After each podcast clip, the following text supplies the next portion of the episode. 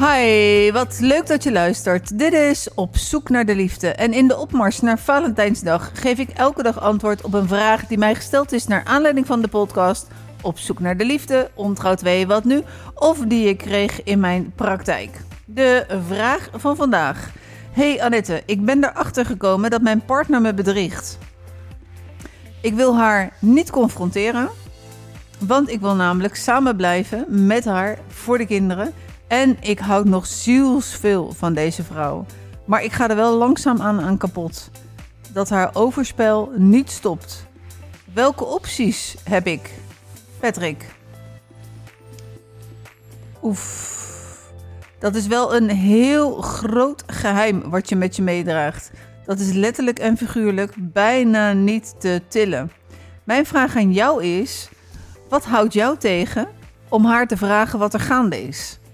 Uit je bericht kan ik niet opmaken of jullie ooit afgesproken hebben of je bijvoorbeeld een affaire mag hebben binnen jullie exclusiviteit van de relatie. Ja of nee?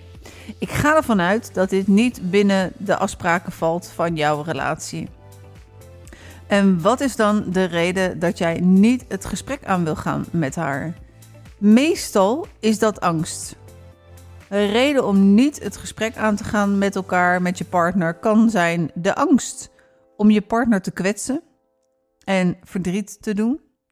Het kan ook zijn de angst voor afwijzing en de consequenties die, die dit met zich meebrengt. Want wat als zij boos wordt? Of wat als zij kiest voor de andere man in haar leven of mannen? Of wat, en wat betekent dit dan voor jou, voor jullie kinderen en jullie relatie? Beide vormen van angst spelen ook vaak een rol bij degene die vreemd gaat en het gesprek niet aandurft te gaan, ongeacht de afspraken, zelfs als de afspraak gemaakt is. Het kan best zijn dat een van ons verliefd wordt op een ander en dan gaan we dat delen, want dan kunnen we er wat iets aan doen. Zelfs dan, met die afspraak, gebeurt het niet. Kan het zijn dat het niet gebeurt uit een van deze twee angsten. Zelf zie ik maar één weg en dat is om wel het gesprek aan te gaan. Als jullie de afspraak hebben om geen andere relatie erbij te hebben, jij merkt het, je zegt niks, dan kan dat ook overkomen alsof je ermee instuimt en zegt: Ik zie dat jij een affaire hebt en ik hou mijn mond en ik laat je hierin gaan. Je trekt geen grens en het lijkt dan ook, los van en alle respect voor het gevecht wat je wel voert, maar je voert ook uiteindelijk vanuit het oogpunt dat je geen grens stelt, vecht je ook niet voor je relatie omdat je je mond dicht houdt. Je geeft en je geeft, je geeft ruimte, je geeft haar, uh, haar bewegingsvrijheid. Uh, dus je geeft ontzettend veel. Maar een goede relatie is ook een relatie die uh, het geven en nemen in balans heeft. En dat moet er zo zijn. Hè? Dus je, uh, je kunt geven, maar je moet ook nemen. En je kunt nemen als je ook geeft.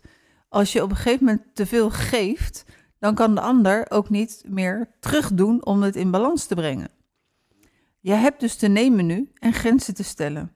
Als jij geen grens trekt, loopt de ander er in het algemeen gezegd ook vaak overheen. Ik snap dat het ongelooflijk eng en spannend is om dat gesprek met je vrouw aan te gaan. En hé, hey, het kan namelijk leiden naar een onbekende weg waar jij het liefst helemaal niet naartoe wil. Maar het kan ook leiden naar een betere, eerlijke relatie door het open te breken. Een relatie met meer intimiteit op een dieper niveau. En gelukkig kom ik die relaties in mijn praktijk ook tegen.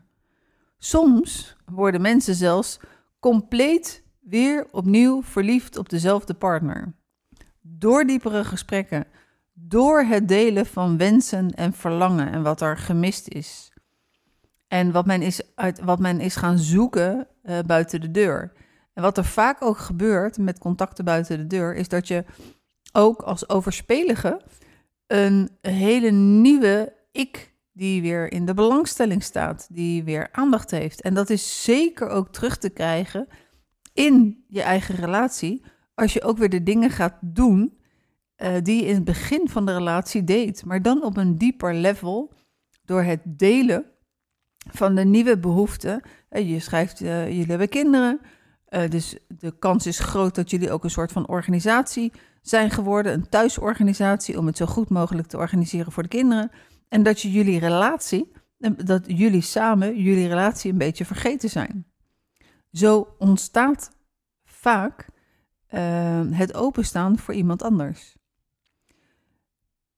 Ik kan je natuurlijk niet beloven dat het ook jullie weer gebeurt om compleet nieuw en verliefd te worden op jezelfde partner.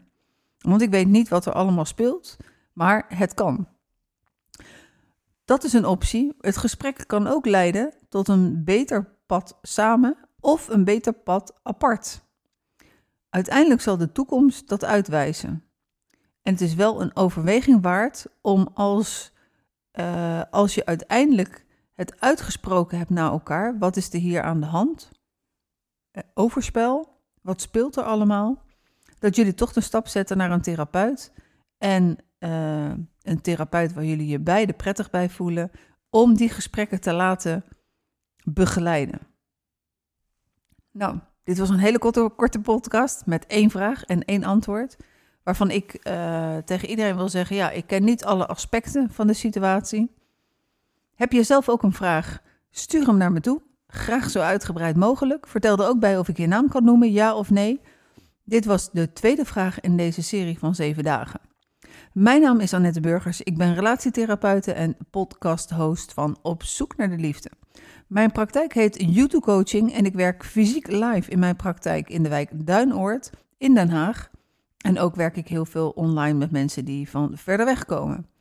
Ik ben de ontrouw-expert van Nederland en ook ben ik gespecialiseerd in het verbeteren van communicatie en mede daardoor het verbeteren van verbinding in relaties. En als langst heb ik de specialisatie in het brengen van meer rust en harmonie in samengestelde gezinnen. En neem vooral een kijkje op mijn website www.youtubecoaching.nl. J-U-T-T-U. En vraag aan mijn gratis relatiescan in februari, zodat je samen kunt kijken hoe het gesteld is met jullie tevredenheid over jullie relatie. Met daarin een aantal acties voor 10% off. Of vraag aan mijn gratis e-book om je relatie weer op de rit te krijgen nadat een van jullie is vreemd gegaan. Of vraag aan mijn e-book over samengestelde gezinnen. En uh, morgen is er weer een korte aflevering van uh, YouTube Coaching van Op Zoek naar de Liefde in deze zelfverzonnen zeven dagen challenge richting Valentijnsdag. In een relatie wordt één op de vier verliefd op een ander. En toch is het een taboe en het hangt er natuurlijk ook vanaf. Wat ga je met die verliefdheid doen? Ik doe mijn best om dat taboe te doorbreken door erover te praten. Help jij hiermee? Stuur je vraag in.